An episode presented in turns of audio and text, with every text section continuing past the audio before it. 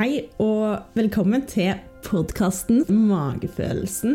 En arena hvor jeg snakker med spennende folk om det å være seg sjøl, det å finne sine verdier og gjøre det som gjør at vi har det bra. Og det at det handler om ulike ting for meg enn for deg.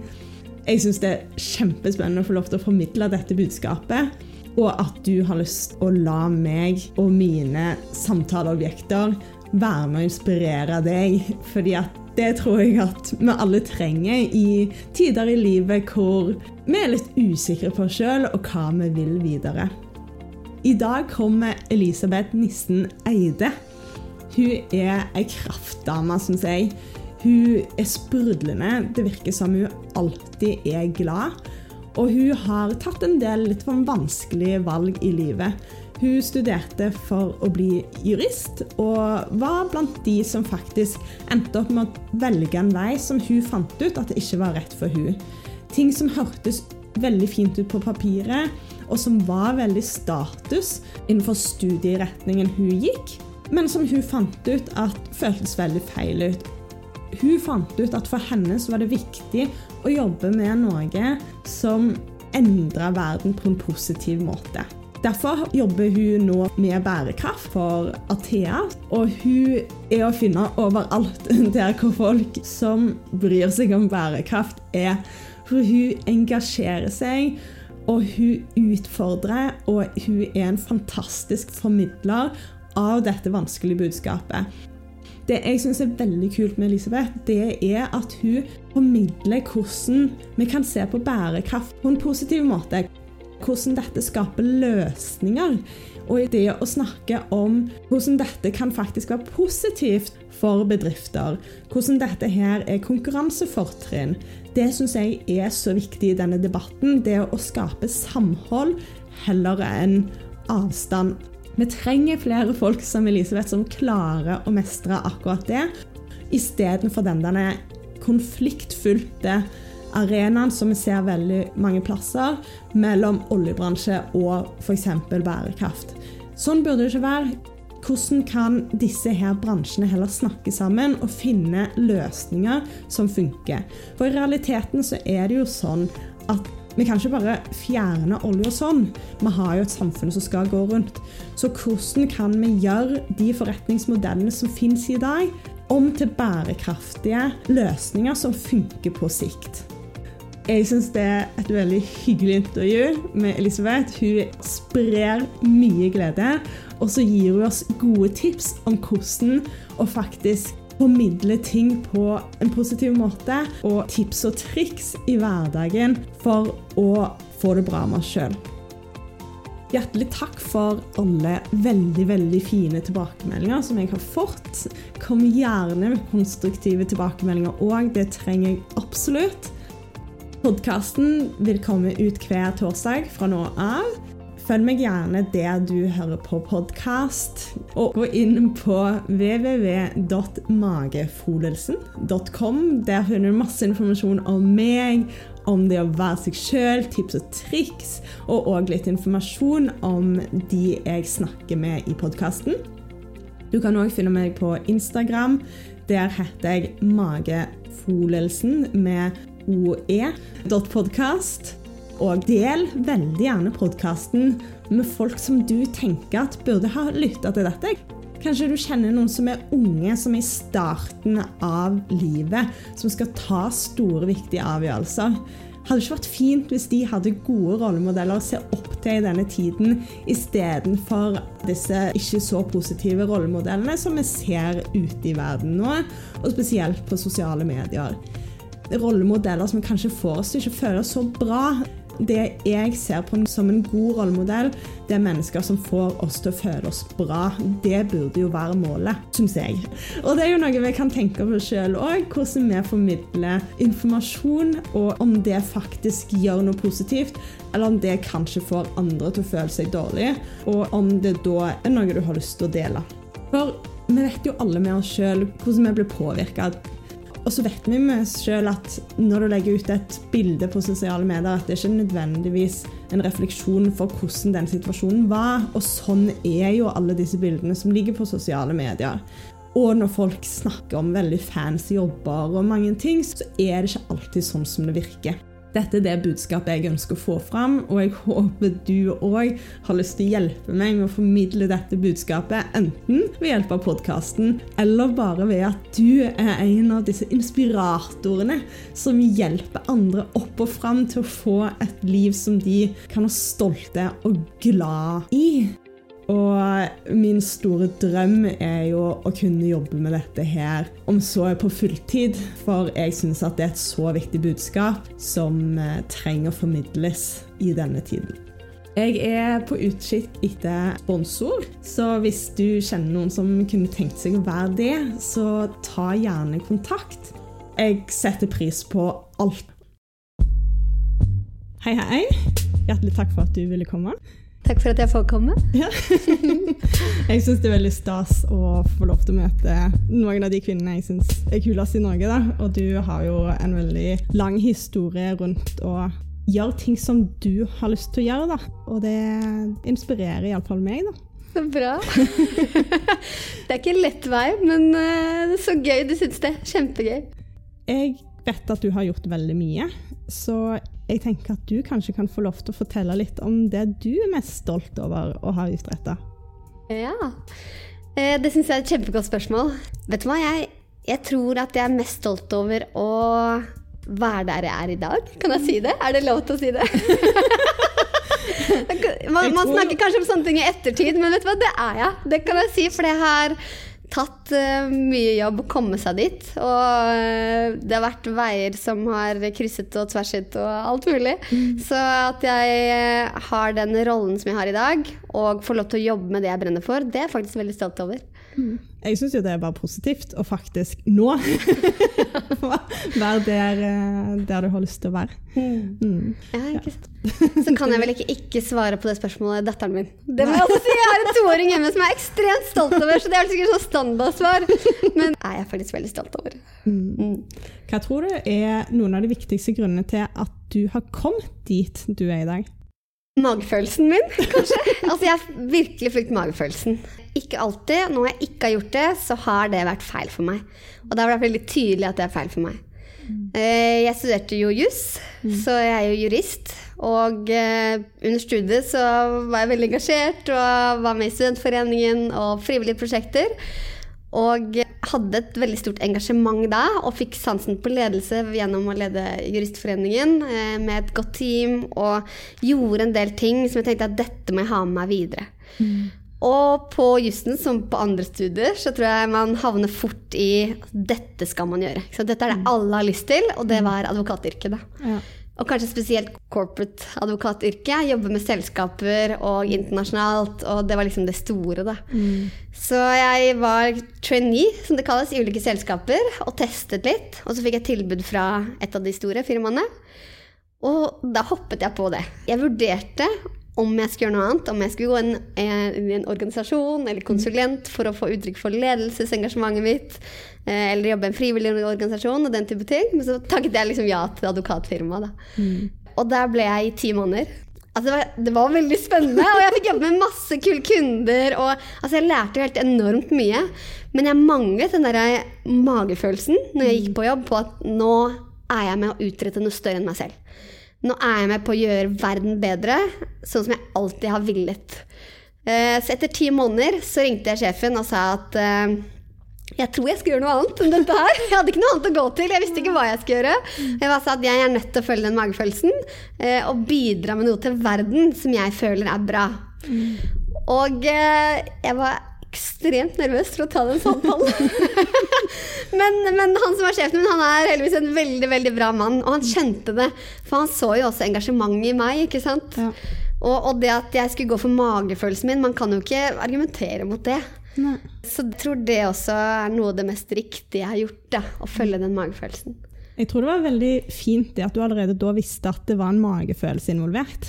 Ja. For jeg har jo litt av den samme historien, og jeg fikk faktisk to jobbtilbud eh, rett etter studiene. Hvor den ene hadde jeg et intervju som bare var helt fantastisk, og så hadde jeg et intervju med en som jeg ikke kom så godt overens med, hvor jeg tenkte at nei, dette føles ikke rett.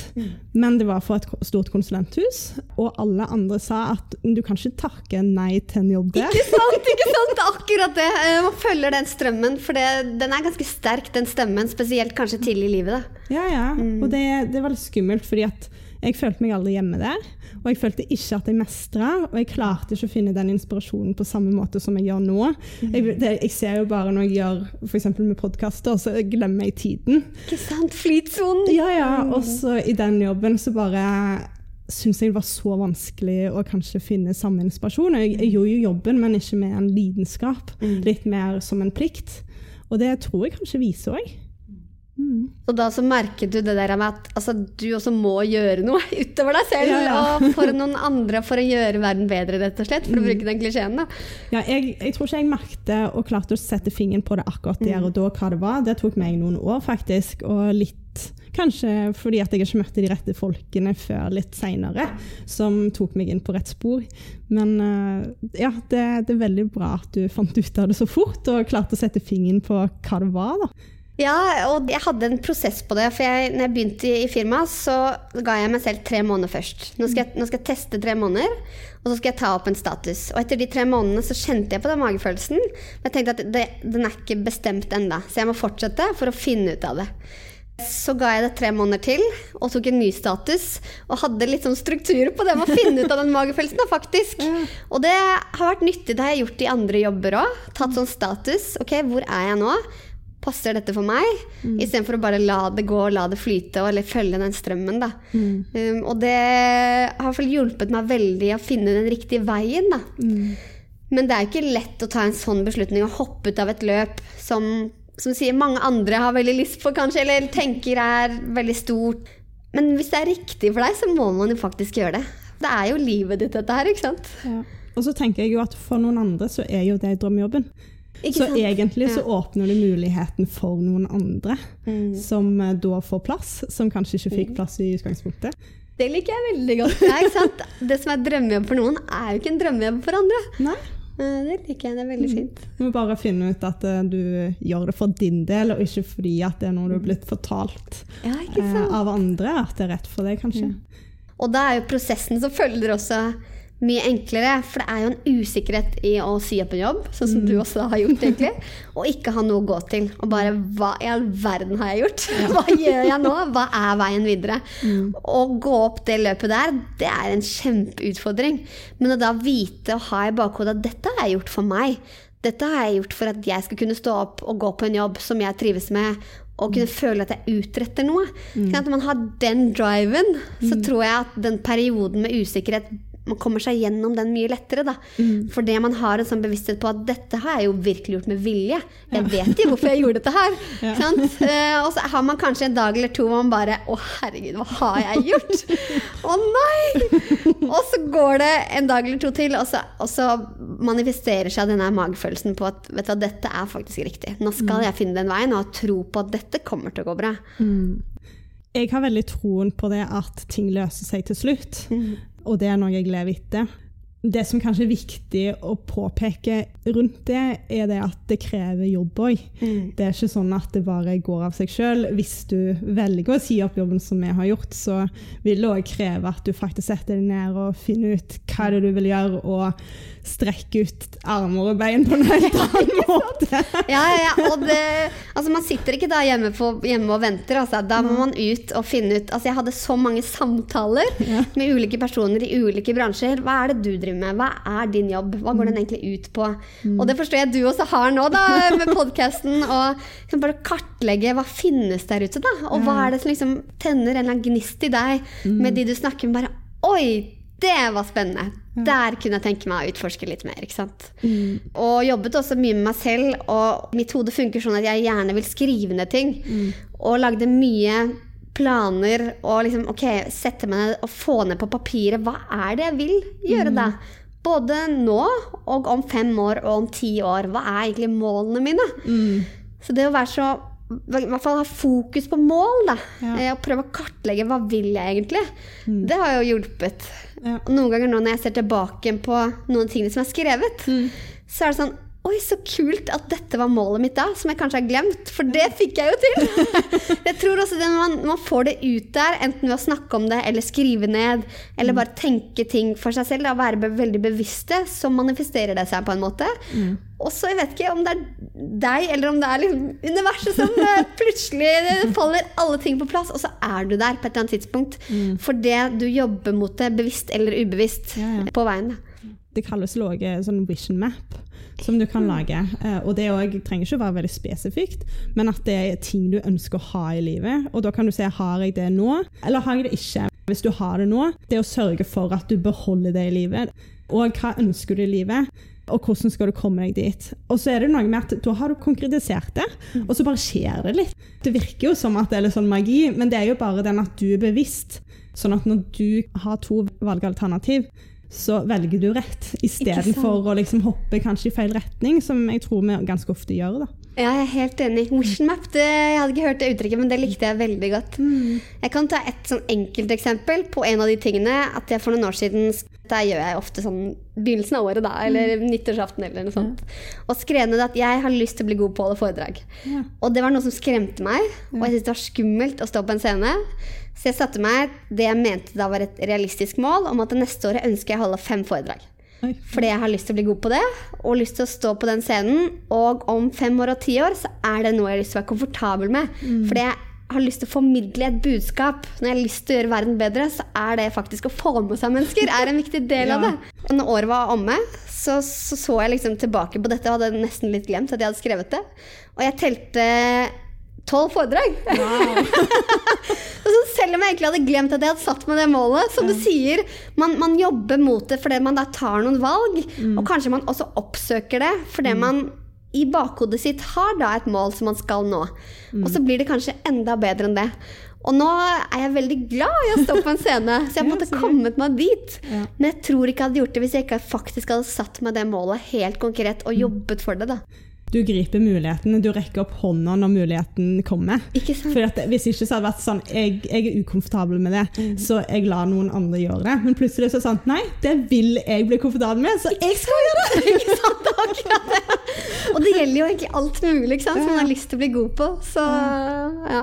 Jeg gjorde det samme med kronikker altså for noen år siden. Mm. Dette året har jeg lyst til å, å skrive mer og bli god på å skrive. Jeg skal prøve å skrive så og så mye. Så gjør man jo det. Ja. mm. Ja, det er veldig spennende. Ja, det liker jeg. Så bra! Hvordan sørger du for at du etterlever verdiene dine i hverdagen og på jobb? Det syns jeg er et veldig godt spørsmål. Det med den magefølelsen vi snakker om, det har nok vært viktig for meg.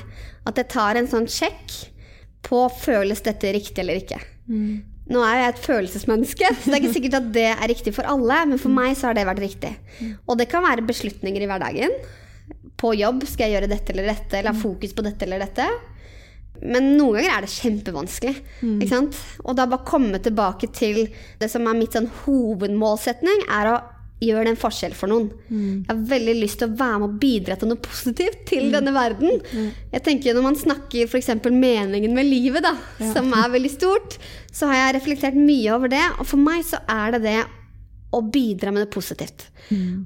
Og at jeg skal forlate denne verden litt bedre enn kanskje den var da jeg kom inn. Jeg skal i hvert fall gjøre alt jeg kan for å få til det. Mm. Og da er jo det egentlig en sånn fin rettesnor. da, mm. Er det en beslutning? Vil det gjøre noe positivt for noen, mm. eller vil det være det motsatte? da? Kanskje litt sånn stort, men, men, for meg så fungerer det. Og så er det ikke sånn at hver minste lille beslutning gjør noe positivt for noen. Men, men passer det inn i liksom det hele bildet da, for hvor enten selskapet jeg jobber i nå, ønsker å være, eller hvor jeg ønsker å være. da. Det er jo veldig konkret og egentlig enkelt å forholde seg til. Så den var bra. Og det, For jeg tror ja, den kan liksom brukes på små avgjørelser òg. Mm. Mm. Men har du noe av det samme? Hva er, det, hva er din sånn uh, rettesnor da, for å leve i tråd med verdiene dine? Jeg har ikke tenkt på det så spesifikt, men jeg har jo verdier som har blitt viktige for meg med årene. Mm. Jeg skal innrømme at jeg noen ganger syns det er litt vanskelig. For at jeg har verdier som f.eks. det å, å, ta ansvar. Da. Mm. Det med ærlighet, åpenhet, sørge for utvikling det, det, passer meg veldig fint, men det mm. passer ikke alltid alle rundt meg. Nei, ikke sant. Ikke og der syns jeg at det kan bli litt utfordrende, fordi at eh, det blir en sånn clinch. ved at jeg har veldig lyst til å eksempel, Og jeg syns det er veldig enkelt å gjøre en del ting. Mens andre syns at det er veldig komplisert. Ikke sant? Ja, ja, da havner du i en sånn, en sånn krasj med et annet menneske Ja. som kanskje har andre verdier. Ja. Men jeg tror at man lærer enormt mye av det. da, Å møte mennesker som har andre verdier enn deg. For da lærer man jo virkelig altså, hvordan, hvordan forholde seg til andre mennesker og bygge relasjoner. Som, som også er en del av det å, å prøve å gjøre verden bedre for folk. Da? Det handler jo om mennesker, dette her. Men jeg ser jo også at noen ganger så kan verdier gå i clinch med hverandre. Sånn som for meg, denne her veldig sterke verdien om at jeg har lyst til å gjøre en forskjell, og at det er rettesnoren. Nå har jeg jo, som jeg nevnte, også en toåring og en mann og sant, familie. Men jeg merker at mitt engasjement kan veldig fort ta over. Så det, jeg kan jobbe døgnet rundt, og jeg elsker å jobbe. Og havne nå fordi jeg føler at jeg er på riktig sted. Får veldig fort den der flytsonen som vi snakker om. Men at, at familier, som også er en veldig viktig verdi for meg, kan bli undergravet. da. Ja. Så det er sånn som jeg må passe meg for, og jobbe mye med dette her med balanse. Hvordan faktisk få til begge deler. Ja. Sånn? Man sier at man ikke kan få det til, men, men jeg jobber veldig hardt med å prøve å få det til. Fordi jeg tenker at man skal kunne ha en jobb som man trives med og er engasjert i, samtidig som familie kan være en sterk verdi. da. Ja. Ja, og det, jeg òg merker jo det sånn med podkasten òg, at jeg syns dagen bare forsvinner. Og i jobber også, hvor jeg har vært veldig engasjert, så har dagen bare forsvunnet. Men da får jeg gjerne dårlig smittighet når jeg kommer hjem, fordi at det går på tross av meg sjøl. At jeg, jeg vil ikke være en person som alltid kansellerer eller uh, ikke stille opp for vennene mine eller familien min når de har det vanskelig, og glemme at de hadde en, en vanskelig uke og glemme å følge opp. Men ja, det med balanse, det Og det er noe man må jobbe med hele livet, tror jeg. Altså, man, man blir aldri utlært i balanse. Nei. Og jeg har hatt på agendaen i mange år, og, og det jeg har skjønt, er at den balansen i hverdagen, den er det ikke sikkert at man finner hele tiden, hele året. Men den lengre balansen, sant? en periode, kanskje det er et prosjekt eller noe du har lyst til å få til, som du har lyst til å jobbe litt døgnet rundt med. Og så kommer det en liten pause hvor andre verdier tar over. Da. Mm. sånn, ikke balanse hver dag, men balanse over en lengre periode Ja. har jeg egentlig prøvd å lære meg. For jeg skjønner at det er kanskje en bedre måte å jobbe på. For da kan man faktisk gjennomføre de prosjektene som gjør at man er i flytsonen og jobber masse hver dag og bare har det kjempegøy på jobb. Og så kan det komme en periode hvor bare nå er mitt fokus familie og venner og stille opp. Og at det kanskje kan fungere å tenke på det på den måten der. da. Det er en veldig god idé, syns jeg. Det å dele inn livet kanskje ja, i faser. Men så må det ikke gå for lang tid. Altså? Eh, Man, kan, man kan ikke ikke være med venner et år og altså forvente Nei. at de skal være der. Så, så, men, men hvis man snakker uker eller måneder, eller også bare sånne enkle virkemidler, da. Begynte, å ringe folk på vei til jobb? Noen sånne, for å få, få inn dette med venner i en hverdag som kanskje er litt hektisk. Noen sånne små ting. Bare sende en melding om messengergrupper, for da er man liksom enkelt å ha en tråd og spørre hvordan det går i hverdagen. Selv om man ikke møtes hver uke, kanskje. ikke sant? Vi var inne på det med uenigheter, og litt i forhold til verdier. Du jobber med bærekraft, som er kanskje det jeg syns tidvis er vanskelig. fordi jeg studerte bærekraft, og jeg syns at det skal være selvsagt at du kan ta hensyn til mennesker og dyr og miljø når du tar avgjørelser. Og jeg tror jo at det er mer lønnsomt på lang sikt. Enig. Men det tenker ikke folk flest. Og det er veldig mange som bare syns det er vanskelig å resirkulere hjemme, eller spise mindre kjøtt, eller kjøre mindre bil, eller reise mindre. Hvordan diskuterer du sånne uenigheter på en måte som skaper dialog? Jeg tror jo at mye av det fokuset som, har vært, er jo fokus på det negative. Mm. sant? Eh, havet fylles opp med plast. Det gjør det, og vi snakker veldig mye om det. Ikke sant? Isbrennene våre smelter, og temperaturen endrer seg. Det gjør det, og vi snakker mye om det. Vi snakker mye om problemene. Og det med, det med problemfokuset, det er en veldig god bok av Per Espen Stoknes som handler om dette her med klimakommunikasjon, og hvordan man snakker om det, som gjør at folk blir passive, og de orker ikke ta det inn over seg, fordi det er slitsomt. Og da gjør man heller ikke noe, fordi man distanserer seg fra problemet. Så det jeg har prøvd å gjøre, er å rett og slett bringe det litt sånn nærere. Ofte når jeg snakker om det, så nevner jeg f.eks. datteren min. At jeg vil at datteren min skal vokse opp i en verden som ikke er så ulik fra det jeg, jeg vokser opp i nå, eller har vokst opp i og er, lever i nå. Eh, Fordi vi vet at verden vil se totalt annerledes ut om noen år, som er i hennes levetid. Noen av eksemplene er sånn altså Bryggen i Bergen og Bjørvika, og det kommer til å ligge under vann. Det er liksom, altså Klimaforskning sier dette her, at havstigningen vi kommer til å se de neste årene, fører til at store deler av verden vår vil både ligge under vann, og det vil, det vil være klimaendringer som gjør at steder blir ubeboelige. Dette er en sånn katastrofetenkning som man ikke har lyst til å forholde seg til. Men det å heller ha fokus på Altså, jeg har lyst til at verden vår skal være så bra som den er nå, i lang tid fremover. Og jeg vil også veldig gjerne at datteren min skal oppleve det. Og de fleste har en eller annen kid i livet sitt som de kan relatere det til, og tenke at dette handler jo faktisk om meg. Det er ikke kun tipp-tipp-tipp-barnebarna som jeg aldri kommer til å ha noe forhold til, og ikke sant, hvordan ser verden da ut uansett? Så hvorfor skal vi bry oss? Og så ser vi jo nå bare? Nå er det masse kampanjer for å plukke plast eh, på strendene. Og man ser jo at man får jo faktisk ryddet opp veldig mye når folk engasjerer seg. Og så må man jobbe på systemnivå for å få næringsliv og det offentlige til å sette reguleringer for å unngå at det havner der i første omgang. Men det at man ser at personlig engasjement faktisk betyr noe, da. Og det har jeg veldig lyst til å trekke frem, for det gjør det virkelig. Og så er det et eksempel på dette med at ok, resirkulerer man, og er det noe vits i det hele tatt? Men når hver eneste nordmenn gjør det, og vi er faktisk gode på det, så har det en stor reell effekt.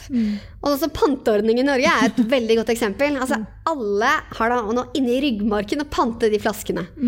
Vi må jo komme oss dit at vi gjør det med alle tingene våre ikke sant? for å komme oss over i en sirkulærøkonomi.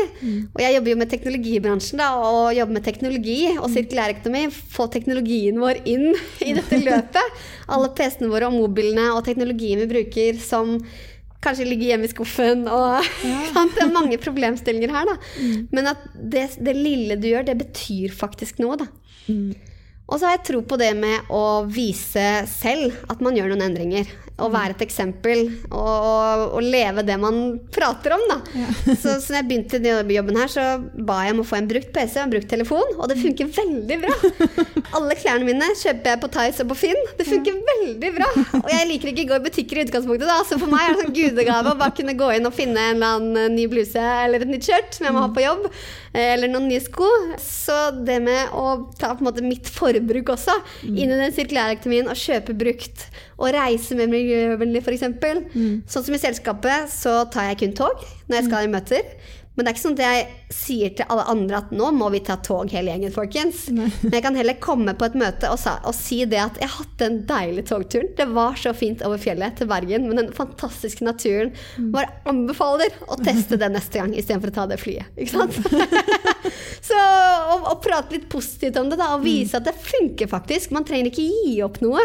Livet kan kanskje bli bedre hvis man tar noen av disse tingene innover seg. da.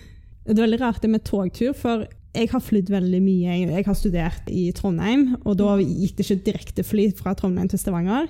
Og så har jeg bodd i Brussel, og da gikk det ikke direktefly, så det har blitt veldig mange dobbeltflyvninger. Men òg sånn, togturen fra Trondheim til Stavanger. Jeg har tatt den noen ganger, da det tar 20 timer. Ikke sant? Ok, greit. Det er litt verre. Men da jeg var student, så var ikke det noe problem, for at jeg var ofte så sliten etter eksamen, eksamensperioden.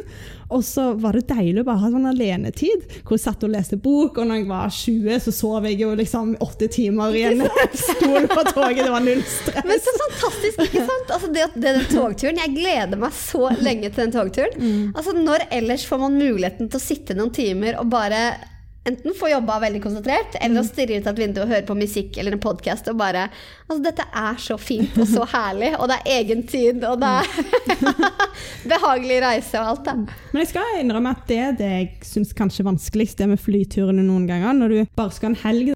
Det å kanskje tenke på det på den måten, nettopp at du, du kan sitte og se ut vinduet. Du kan sitte og høre på podkast eller lese bok, og det er jo innmari deilig, og noe vi veldig sjelden tar oss tid til. Ikke sant? Det er liksom tvungen mindfulness. og så er det ikke sånn at man skal predikere at folk aldri skal fly. Sånn er det ikke. Men jeg tror på at, altså noen endringer. Altså Dropper du den flyturen noen ganger i året Nå er vi i en koronasituasjon, da. Så, så akkurat nå flyr vi ikke så mye. Men når vi snakker om denne nye normalen da, som vi ønsker oss, hva vil vi at det skal være? Og under koronaperioden nå så viste en rapport i forrige uke at vi har redusert utslippene våre- med 14,5 Ja. Det er ganske mye. Det er den største utslippsreduksjonen vi har hatt på 50 år. Sånn, vi har aldri redusert utslippene våre så mye, og det makes sense. Vi flyr mindre, og vi forbruker mindre. Og vi jobber på hjemmekontor, og det ligger mye i det.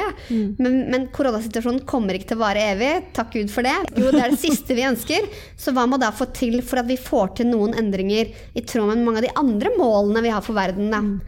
Så jeg jobber jo mye mot FNs bærekraftsmål, som er da 17 mål som de har sagt som en sånn handlingsplan for verden. Og i disse 17 målene så er det både klima og miljø, og så er det sosiale forhold, og så er det økonomi. Så det er på en måte tre aspekter som, som henger veldig tett sammen. Og de sier jo at et av disse målene kan ikke nås uten å nå de andre. Sant? Og vi har ti år på oss. Så hvordan da rigge det nye samfunnet så at vi er mer i tråd med å nå de målene, da. Så nå eh, om noen uker så har eh, Nikolai Astrup kalt inn til møter med ulike deler av, næringslivet og ulike organisasjoner for å lage en handlingsplan for bærekraftsmålene. Det er gøy. Og det er så gøy! Altså, det har vi ventet så lenge på. Så jeg meldte meg på det med en gang den mailen kom. Og det, det skal jeg være med på. Her har jeg lyst til å sitte i et rom og finne ut hvordan skal vi løse dette i Norge. Og hva kan vi trekke på fra andre land? Og ja. Jeg syns det er så deilig når folk begynner å snakke løsninger. Enig. Når alle vet at det er et problem, men ingen skal gjøre noe med det, så ja, blir det litt slitsomt etter hvert, rett og slett. Ikke sant? Akkurat det. Og spesielt, jeg liker å se alt fra den positive siden. Men når det er ting som bare blir pratet om veldig lenge, og det ikke skjer noe med det, så blir jeg litt sånn Utålmodig.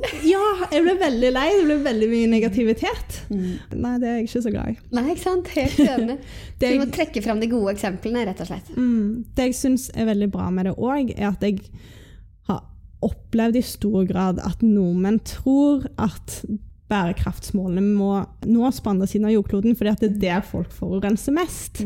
Men det som er, er jo at nordmenn er jo blant de som forurenser mest. Ikke sant? Absolutt det er man, altså. Og de som forbruker mest. ja, Og de som reiser mest. ja. Så mange av de problemstillingene som vi står overfor, ligger faktisk også på oss nordmenn. Mm. Så jeg tror absolutt vi har et ansvar, alle sammen. Men igjen, det trenger ikke være en, ha en negativ påvirkning på livet ditt.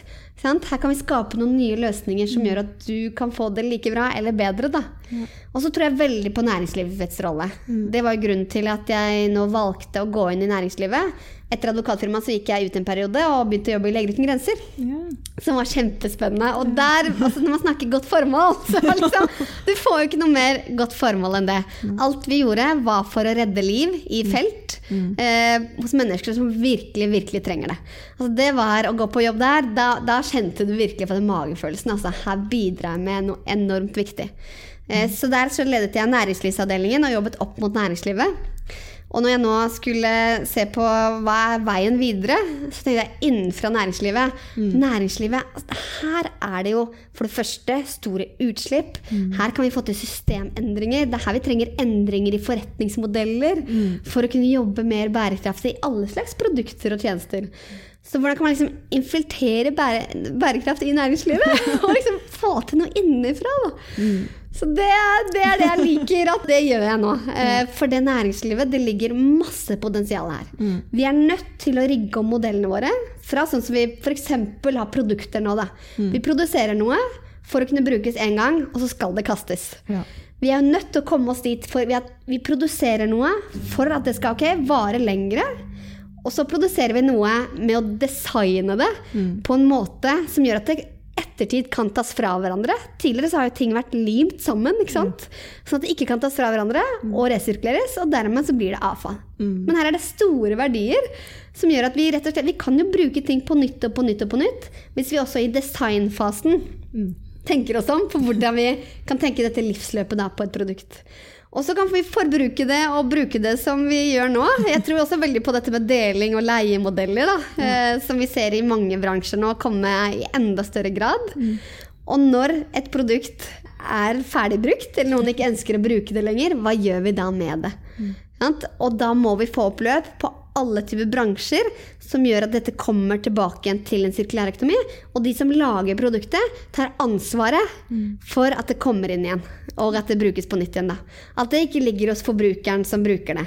Hvordan skal de vite hvordan denne, dette møbelet eller denne PC-en eller denne bilen skal eh, tas fra hverandre igjen og resirkuleres? ikke sant? Dette må være det systemet for, og det ligger på næringslivet.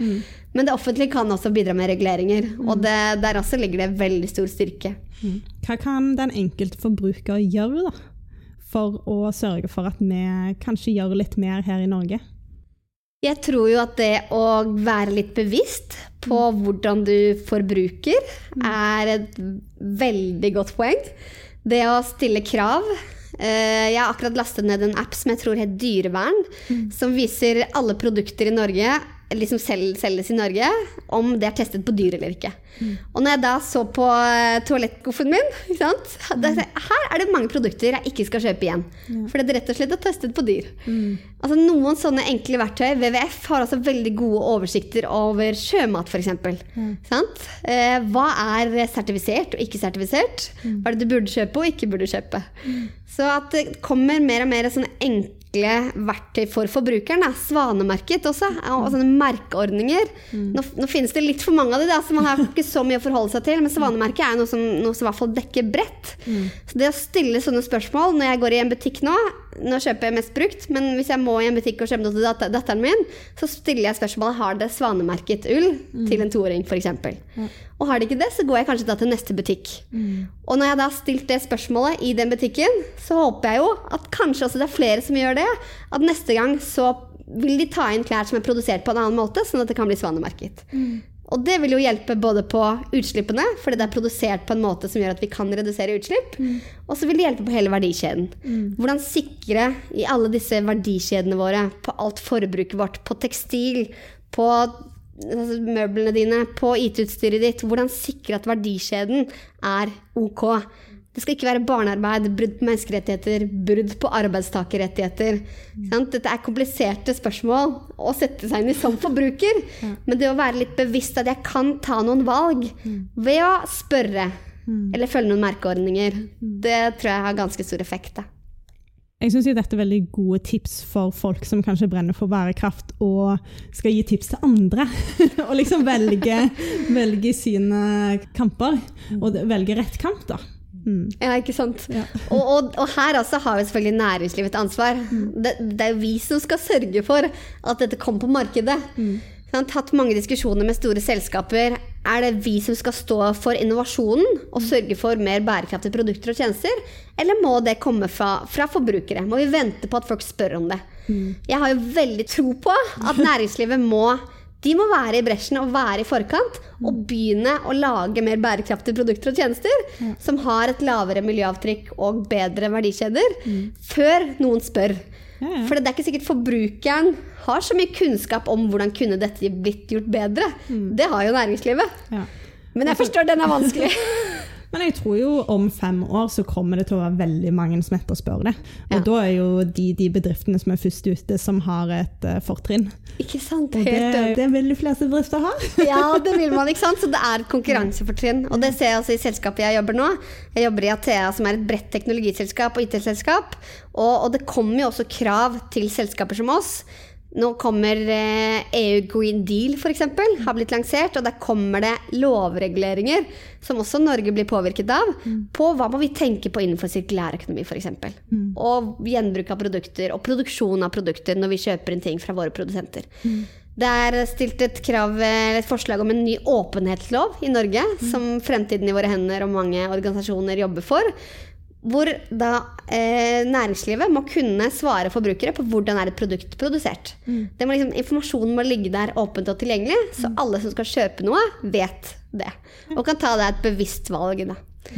Noe av det vi også jobber med i selskapet som jeg syns er ganske kult, er eh, å bruke teknologi til å sikre god informasjon da, til folk. Så vi har f.eks. gått inn i fiskebransjen og bruker da sensorer og blokkjede på å lagre informasjon fra alt. Hvordan er denne fisken produsert? Hva har de fått i seg av mat og antibiotika og, eller ikke, og den type ting? Eh, hvordan er det transportert? Ja. Har det vært eh, frem og tilbake til Kina, eller har det vært i Norge og er så lokalt som de sier? Og alt når man bruker blokkjedeteknologi, så er det en teknologi som man ikke kan bryte. Det er sporbart, og man skal kunne etterprøve alt. Så når en forbruker eh, Dette var, var Kvarøy, ja, og da kan de gå i butikken og skanne en QR-kode, og da får du opp denne informasjonen. Sant? Så den type fisk ved siden av en annen type fisk, som kanskje enten ikke har noe informasjon om hvordan den er blitt produsert, og CO2-utslippet, og så er- velger du kanskje den du vet da har vært gjennom en, en eh, litt mindre transportprosess, og har blitt produsert med litt mindre CO2. Og, ja, hvor det er åpenhet og transparent, da. For som du sier, om fem år så har vi disse kravene. Da er det et konkurransefortrinn. Så de som er først ute nå, og har den åpenheten så der har man, jeg, tror bare, jeg tror så på dette her, at man da har et veldig, veldig stort konkurransefortrinn i markedet. Mm. Det som er litt synd med blokkjein, er alle dataene som skal lagres, og det regnestykket. sier, for dette her har jeg lest meg veldig mye opp på. Så dette her er faktisk en blokkjede som ikke krever like mye energi som f.eks. mining og bitcoin. Så dette her krever like, mye, like lite energi som enhver annen datarekke. Så det er også spørsmålet måtte jeg stille når jeg hørte om dette prosjektet for første gang. Men det liker jeg. At ja. man kan ha sikker sporing uten at det krever enorme energimengder. Mm. Og det er jo det som er viktig, at vinninga ikke går opp i spinninga. Ikke sant? Og man kan stille de riktige spørsmålene. For det er sånn som jeg som jobber innenfor teknologi. Altså Teknologi har jo veldig mange av løsningene. Og det sier også FN innenfor bærekraftsmålene, og det syns jeg er veldig kult. Men så har vi også en del problemstillinger, og vi må ikke glemme de. Fordi teknologi er løsningene, så må vi ikke glemme problemene. Vi må jo jobbe like mye med å fikse de problemene, og også prate om det, og ha den åpenheten med at vi forstår at dette her, altså teknologien vår krever store mengder energi. At vi har et problem når det kommer til gjenbruk og resirkulering av IT-utstyr, for det ligger så mye utstyr hjemme i norske hjem eller i norske bedrifter eller virksomheter. Det å kunne anerkjenne begge deler, da, og at det er greit. Og så ok, da har vi liksom nå-bildet. Hvor har vi lyst til å være om ti år, da? Å lage en tiårsplan. Så det er noe av det gøyeste jeg har jobbet med siste året. da. Lage en sånn tiårsplan for hvor skal vi være det neste året. Ok, Da må målet være å være 100 sirkulære. Da må målet være at du skal i hvert fall redusere utslippene i tråd med Parisavtalen, men helst mer. Ja. Så helst liksom 50% reduksjon i utslipp. Den type mål der syns jeg alle burde sette seg nå. Det er bra. Jeg liker tanken om det å kanskje bare si ting som de er. For jeg tror ofte så kvier folk seg for å gjøre det, fordi at det er akkurat som en, denne, en mørk hemmelighet. Og andre ganger så kan du ikke ville snakke om det fordi du er redd for at noen skal ta ideen. Men i noen tilfeller så ønsker du kanskje ikke å spille videre på ideen sjøl. Og da er det jo bare veldig positivt hvis noen andre gjør det. Og hvis det er en mørk hemmelighet, så er det jo mye bedre å kanskje snakke om den, og da kanskje ha mange andre som kommer med forslag om hvordan du kan fikse det. Ja. Eller andre bedrifter som faktisk sitter med en løsning som hadde funka veldig bra i kombinasjon. Så det, det er veldig gøy med den transparensen, og det, det er noe som passer meg veldig bra, for jeg er ikke så veldig flink til å Ikke bare si det sånn som det er. Nei, ikke sant? Det tror jeg vi trenger mer av i samfunnet. Si det som det er. Ja, ja. Og det, det er jo noen som har misforstått meg og syns at jeg er veldig direkte. Det er ikke sånn at jeg bare sier halvparten, og det er sånn det er, og dette må vi deale med, liksom. Og kan vedde på at hvis det er en eller annen mørk hemmelighet, så kommer den til å komme ut. Ja. Og konsekvensen av det er mye mye større enn når man snakker åpent om det. Da.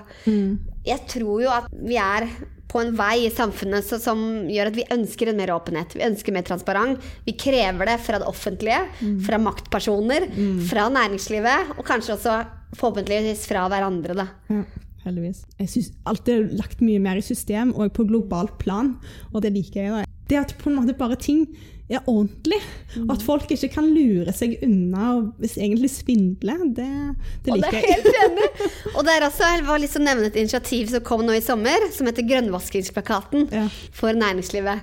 Og det liker jeg så godt. Altså Her må man signere på at man ikke skal prate om noe som kanskje er liksom noen få prosent av virksomheten, og så kjører man på med utslipp og ikke bryr seg om resten. Ja.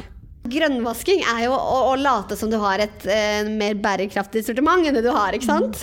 Men faktisk snakke om de reelle forholdene, da. Ikke sant? Snakker du om bærekraft, så skal du jammen meg ha en prosess for å ta det inn i alle produktene og tjenestene dine. Og har du ikke det, så kan du gjerne være åpen og si det, og ikke late som det er bedre enn det det er. da. Ja. Og det liker jeg med trenden med klimaregnskap nå, f.eks. Mm. Flere og flere begynner å føre klimaregnskap. Så man, jo, man, klar, man, kan ikke tulle med det. Her er det jo tall, her er det jo data mm. som viser har bedriften fokus på å redusere utslipp, mm. eller har den ikke det. Mm. Og det er jo da noe man burde legge åpent for alle, så alle kan se dette her. Litt over. Litt over til eh, deg, og mindre over til, til, bærekraft og det du jobber med. Har du noen spesielle triks som du benytter i hverdagen? Ja, godt spørsmål. Jeg øh, jobber jo mye og har et stort engasjement. Mm. Og jeg jobber mye med pusten, faktisk, hvis jeg kan si det. Jeg har drevet med yoga i mange år. Mm. Og det med å puste og ta meg tid til å puste, det har vært et viktig verktøy for meg. Mm. I hvert fall når jeg merker at ting tar overhånd, og enten om jeg blir stresset eller merker at liksom nå er jeg sånn kortisolnivå som i kroppen min som gjør at jeg bare nå må puste litt. Mm. Det med å ha kontroll på pusten og merke at jeg ikke kun puster opp i brystet, som veldig mange av oss gjør hele dagen. Men bare ok, nå skal jeg kjenne litt på kroppen og puste med magen. Ok, Det er noe man sier, men gjør man det faktisk? Mm. Ikke sant? Og spesielt jenter som egentlig ikke skal få stor mage. skal holde den magen der. Så jeg måtte lære meg å ikke bry meg så mye om det, men å faktisk puste med den magen. Ja. Og prøve å puste med hele kroppen. Og så har jeg også noen sånne triks som jeg har begynt med ganske nylig. Og det er å prøve å ta noen pauser. Mm. Sånn, Vi har et veldig fint bygg her i Oslo. -hmm. Og jeg sniker meg opp på taket en tur i løpet av dagen. Og bare ser på den utsikten og ser mot havet. Og bare Nå er jeg klar for en ny runde. Mm. Og nå kan vi gå inn i disse kundemøtene eller denne problemstillingen på jobb, eller hva det skal være. Da er jeg liksom klar igjen. Uten at det bare skal løpe. Og så kommer man hjem og så kanskje krasjer litt. Eller man løper uten å reflektere over hva har jeg egentlig gjort nå de siste timene, og hvordan fokusere med det jeg skal gjøre fremover. Da. For det å være til stede er nok viktig for meg, og ikke løpe fra ting til ting og så henge i hodet igjen. Ja. Så det å på en måte kunne refokusere fra et møte til et annet, mm. og fra en oppgave til noe annet. Ja. Men da tror jeg man trenger noen sånne virkemidler, både med pusten mm. og det med det pusterommet. da. Så selv om jeg ikke har tid til det, eller føler jeg har tid til det, og tenker at nå burde jeg svart på den mailen eller tatt den telefonen, jeg vet hvor viktig det er å bare ta de minuttene mm. for å kunne refokusere. For hvis ikke så er ikke jeg like god i jobben min, rett og slett. Og det er veldig rart med det, for noen ganger, spesielt eh, når du jobber med noe kreativt, da, eller skal finne fram til en løsning, så kan du sitte ved pulten og bare gnage og gnage og bare 'Jeg finner ikke ut av det'. Og så tar du liksom fem minutter luftepause og kanskje går deg en tur, og så bare boff! Ikke sant? ikke sant? og er ikke det rart at ideen kommer mens du dusjer eller går den turen med hunden? Eller, ikke sant? Ja, ja. Og det er jo fordi hodene våre ikke er laget for å løpe, løpe, løpe, men mm. trenger en pause. og da er det sånne hjernebølger som jobber mye bedre mm. enn når man ikke hadde tatt de pausene. Mm. Men hva er dine tips og triks? da? Jeg òg kan merke spesielt når jeg blir engasjert, at da unnskylder jeg meg sjøl med at nå har jeg det så gøy. Så nå trenger jeg ikke pause. Ikke Men eh, dagen etterpå, da, hvis jeg ikke har tatt pauser, så merker jeg jo at jeg ikke kanskje finner samme kreativitet fordi at jeg er litt for sliten. Akkurat som jeg har brukt opp eh, batteriet. da. Mm. Ja, å tenke på kroppen som et batteri, det liker jeg. ikke sant? Man må faktisk fylle på litt. Mm. Men sånn som vi snakket om i sted også, dette med å se på det perioder, da. Mm. Man kan ikke gjøre det over for lang tid, Nei. for det går rett og slett ikke. Sånn er ikke mm. kroppene våre bygd opp, uansett hvor mye vi elsker det vi holder på med. ja. Og kjenner flere som måte har gått på den smellen. Og det er kjempevanskelig når man brenner for noe og har lyst til å få til noe. Mm. Kanskje spesielt sånn som vi snakker nå da, innenfor bærekraft. ikke sant? Mm. Det er så mye å gjøre. Så mye man kan gjøre for å, for å, fikse ting og gjøre ting bedre, og det stopper liksom aldri. Mm. Hvordan klare og selv om det er sånn, selv om vi liksom ikke er kommet til målet, hvordan klare å stoppe opp litt og ta den pausen og tenke at jeg kan kanskje gjøre en bedre jobb i morgen hvis jeg tar en mm. pause nå. Ja. Men her er ikke jeg noen ekspert, altså. men, men dette, dette, er ting som jeg reflekterer mye over. Og, og, som jeg også har mange gode dialoger med folk med. Mm. Og her altså det å få inputs fra folk på hva deres tips og triks er. og så lese historier på kanskje folk som har brent lys i den enden. Mm. Og da kanskje gjøre seg opp noen refleksjoner om hvordan skal jeg unngå det. da. Ja. Det er viktig. Ja, jeg merker For min del så er det òg det med trening, faktisk, å prioritere det. og det med ro. fordi at jeg tror Hadde jeg vokst opp nå, så hadde noen diagnosert meg med ADHD. Mm. Jeg tror at de er litt mer slepphendte med diagnosene, men jeg har veldig behov for å være i aktivitet og merke at når jeg ikke er aktiv, så har jeg sånn denne indre uro etter hvert. Jeg kan sitte mange timer på jobb og konsentrere meg når jeg syns ting er gøy, og sitte på en stol, så det er ikke sånn. Men jeg merker hvis jeg da ikke gjør et eller annet fysisk, så bygger det seg litt sånn opp. Og så har jeg det så bra over tid, da. Men egentlig kombinasjonen sånn så Noen ganger så trenger jeg å roe ned, så jeg mediterer og driver med yoga. Så bra. Og andre ganger så, så trener jeg. Så det å liksom finne en balanse mellom det, da. Og når hodet kanskje virker som at det begynner å bli litt kaotisk, og du tenker nei, jeg kan ikke sitte ned og lytte til tankene mine nå, så trenger du virkelig å gjøre det. Ikke sant, faktisk. Og det kan være ubehagelig for mange, da. Mm. Og bare rett og slett sitte seg ned med tankene. Og så er det ikke sånn at det å meditere er riktig for alle, mm. men jeg tror at mange har veldig stort utbytte av å bare sette seg ned litt. Ja. Eller, eller, eller, om det er å gå en tur, eller å skrive. Ja, faktisk, jeg merker det å meditere eller skrive, det, jeg tror det handler om å samle tankene, for det kan bli litt kaotisk. Og spesielt hvis det er en uke hvor du står i mange store avgjørelser, og begge valgmulighetene er bra, da så kan det bli litt sånn Ja, men jeg vil det. Ja, men jeg vil Nei. og så bare liksom, Hvordan faktisk ta det valget. Ja, og så bare kanskje sitte og skrive ned tankene sine. Skrive litt for og imot, og så plutselig så, er det veldig åpenbart. Og det liker jeg. Og jeg, gjort, ja, jeg er så enig. Dette med for og imot det har jeg gjort nesten på hvert eneste store valg som jeg har tatt i livet for og mot liste.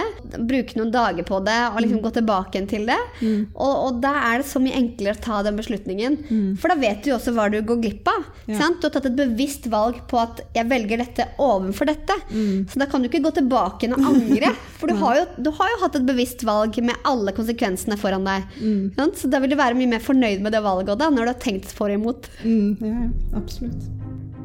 Vi, vi, er veldig flinke til å prate, og så er det veldig gøy. Jeg merker jeg skal snakke langsommere. Ta litt av. Jeg skal være flinkere til det. Ja, men det, det tror jeg jeg, jeg er ikke så veldig flink til det sjøl. Har du noen metoder for å finne takknemlighet?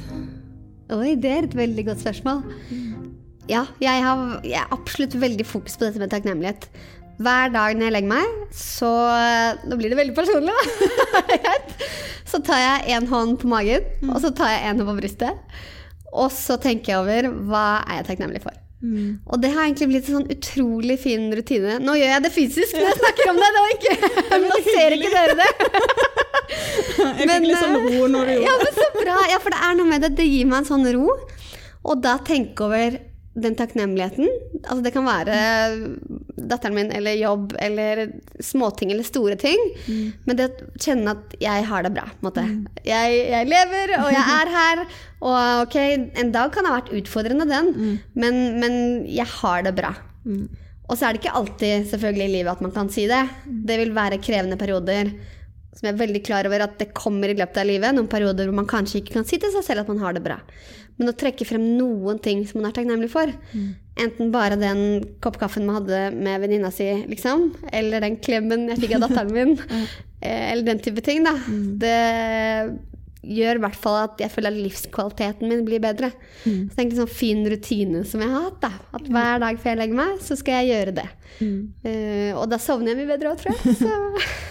jeg tror jo når du har et engasjement for et litt utfordrende tema, så tror jeg det er spesielt viktig da, å se fine ting i livet og ting som er positivt, for å ikke kanskje få overvekt mot det som kanskje kan være frustrerende eller skuffende. Eh, selv om du virker som at du har et veldig positivt fokus på det med bærekraft, og det ja, beundrer jeg veldig. Alltid når jeg ser deg i et eller annet intervju eller på et bilde, så smiler du med hele tiden. Nei, men jeg har det, altså. Og det skjer så mye gøy nå. Det er så mye positivt der ute. Mm. Og det merker jeg jobben min nå. Jeg hadde jo forventet å møte mer stengte dører, eller liksom mm. måtte pushe mer da, mm. på å få til endring. Mm. Når vi uttalte at vi skal ha bærekraft inn i alle produkter og alle tjenester. Mm. Dette med endring i en organisasjon er ikke lett. Nei. Men jeg møter så mye åpne dører og positive folk. Og nesten uansett hvem jeg prater med, så er de interessert i dette her. Så jeg tror liksom bare siste året så har det skjedd et skift på at folk har et mye større personlig engasjement. Jeg tror man kan takke Greta Thunberg og klimaopprøret og ungdommen faktisk for å ha satt det på agendaen. Folk begynner å skjønne at dette er viktig, og det går ikke bort hvis man ser andre veien. Det er der. Vi har noen problemstillinger som vi må være med å løse. Og så tror jeg også at eh, kanskje spesielt på en arbeidsplass, så føler mange et stort engasjement. Hvis de kan jobbe et sted som gjør at de føler seg bra med å gå på jobb. Da. Fordi de bidrar til noe godt. Og det har jeg veldig tro på. Da. Å prate om og spre og være optimistisk i forhold til dette med bærekraft. Mm. Det er veldig bra. De har jo hatt mye fokus på det at det er mange som jobber med sånne typer yrker, som faktisk kan slite med depresjon fordi at det blir så mye negativitet. Men det er jo fordi at du møter stengte dører, og at folk ikke ønsker å lytte. Så det er så bra at vi har fått et skifte. Ikke sant? Jeg er helt enig. Jeg er helt enig. Og så er det ikke sikkert det skiftet har nådd alle steder. Nei, ikke alle arbeidsplasser. Men det kommer. Og har det ikke kommet ennå, så begynn å stille spørsmålene. Jobber du et sted hvor du føler at dette har ikke de tatt på alvor, Still spørsmålene til ledelsen eller til hvem det er, og begynn å prate om disse tingene her. For det kommer. Det kommer garantert. Men vi må være med å pushe på det alle sammen, da. og dra det fremover. Mm. Ja, selvfølgelig. Det er ikke overalt. men det er bra at det er noen arbeidsplasser som er sånn. Mm, helt enig. Kan du fortelle litt om din opplevelse av det å stå i motstand eller utfordringer, og hva som har hjulpet deg med å stå støtt i den tiden? Det som har hjulpet, er det å, å, føle at jeg gjør dette av en grunn. Hvis jeg har møtt motstand, f.eks. innenfor bærekraftsarbeidet, eller i noe personlig valg jeg har tatt, og da vite at her har jeg en god begrunnelse for hvorfor jeg har gjort som jeg har gjort. Men samtidig være veldig ydmyk med at det kan være mange, mange mennesker der ute som har andre meninger enn jeg har som Og det betyr ikke at mine meninger er viktigere enn deres meninger. Så det å lytte har vært veldig viktig for meg. Å være ydmyk for at veldig mange folk kan veldig mye mer om meg. Om mm. mange ting. Ja. og så kanskje jeg kan mer om andre ting. Mm. Og det å møte folk litt på midten, da. Mm. Men uh, utfordringer tror jeg rett og slett bare er en læringsprosess. Mm. Så i mitt liv fremover så har jeg lyst på utfordringer. Fordi jeg vet at det er det som gir meg læring.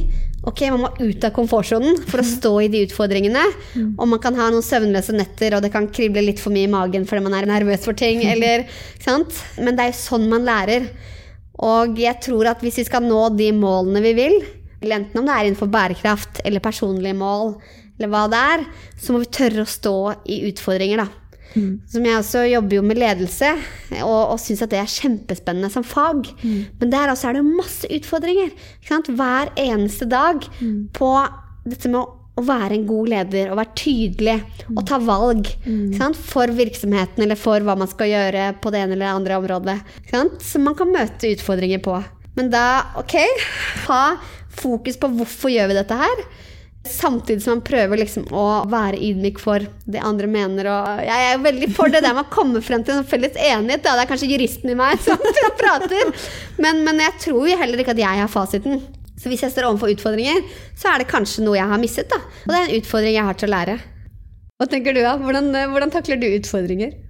Jeg prøver å stå i de, og gå inn i de, og så ringer jeg ofte mamma. Ja, ja men det er veldig eller, godt eller poeng. Eller snakke med kjæresten min eller mm. noen om det, for å kanskje lande litt. Og kjæresten min kan noen ganger bli litt frustrert, fordi at det, det blir litt sånn, litt sånn usikkerhet. Men sant, jeg trenger gjerne bare å få det ut. Mm. Og så begynner ting å falle litt på plass oppi hodet. Mm. Og så lage en plan for hvordan jeg skal komme meg ut av det.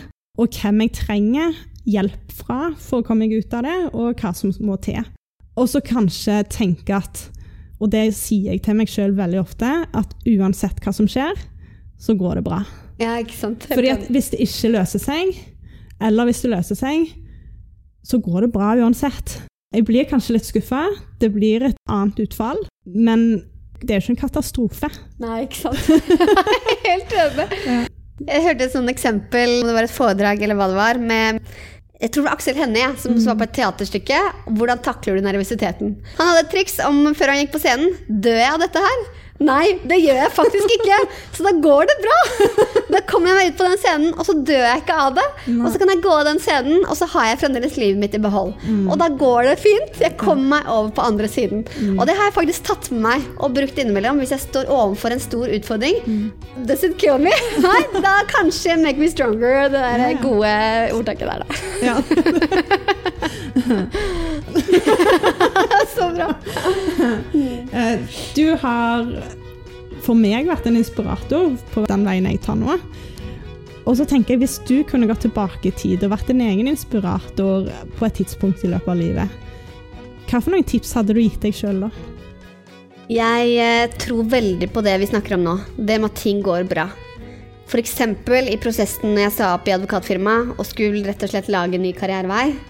Og det at- hadde jeg visst da at det går bra, også mindre jeg hadde stresset med den prosessen der. Hadde jeg bare nytt den så mye mer.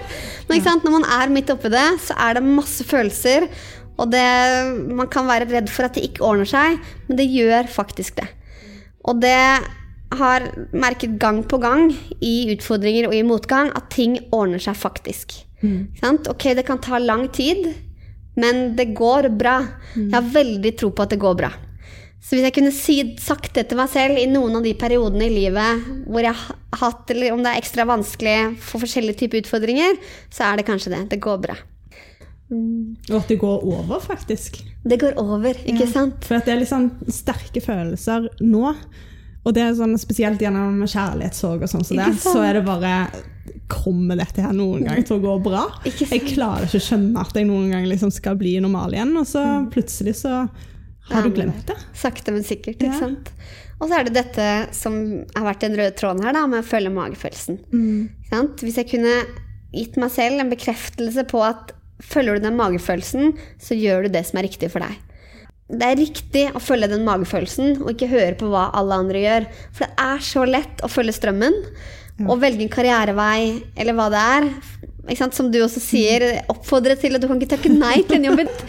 Samme her, du kan ikke takke nei til den jobben i advokatfirmaet. Eh, Så tester man det, og så går det kanskje ikke helt. Man lærer mye av det. Og gi meg selv kanskje for noen år siden den bekreftelsen på at det er riktig å følge magefølelsen. Hvis ikke så ender det opp med et liv som du ikke er fornøyd med, rett og slett. Og eh, vi har dette ene livet, og det er eh, kort, og du skal bruke mange timer på jobb og karriere. Og velge noe du faktisk trives med, og bruke litt tid på å finne fram til det. Og tro på at den magefølelsen du har, den stemmer.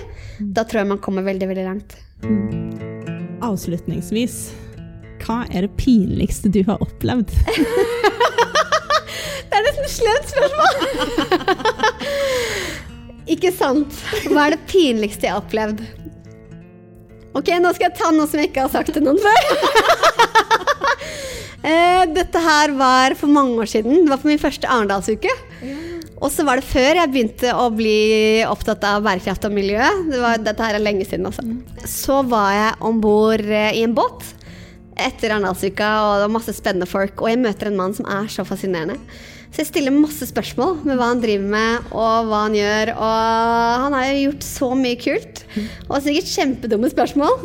Og så går jeg av den båten, og så er det noen som kommer til meg. Du vet at det er Fredrik Haug, ikke sant? Og jeg bare Å nei! Altså, han er jo sånn ikon i miljøbransjen og har drevet miljøbransjen fremover i x antall år.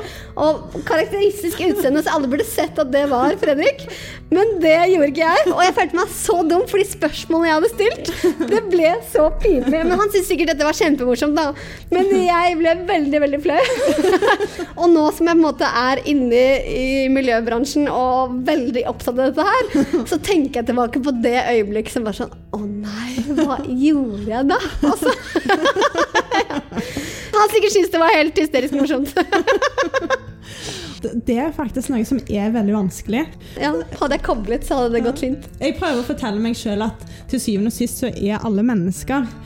Så jeg tror nok at noen som kanskje er kjente og berømte, kan synes det er litt deilig å ikke bli gjenkjent. Ikke sant? For å få de type spørsmål. For Hadde du visst hvem du var, så kan det være at du ikke hadde turt å gått bort og stilt de spørsmålene på det tidspunktet. Veldig godt poeng. så selv om jeg syntes det var et veldig pinlig øyeblikk, så altså etterpå når jeg kjente det, så var det kanskje ikke så dumt likevel. For det er lov å stille dumme spørsmål altså. det er det virkelig. Og så får det heller være et sånn pinlig øyeblikk som man snakker om i en podkast. Det er viktig å ha det, tror jeg. Ja, det er veldig sånn. Ha noe å le av. Altså, hvis du ikke dummer deg litt ut innimellom, så har du ingenting morsomt å Nei, det er veldig sant! så ja, jeg er helt enig. Man skal faktisk dumme seg litt ut litt innimellom. Mm, det er sant. Hjertelig takk for at du kom. Det har vært Tusen takk, Therese. This is a good day. I got something, well, it's just weighing me down. And I think maybe you, yeah, you could help me out. An electric guitar and amp to open up the door.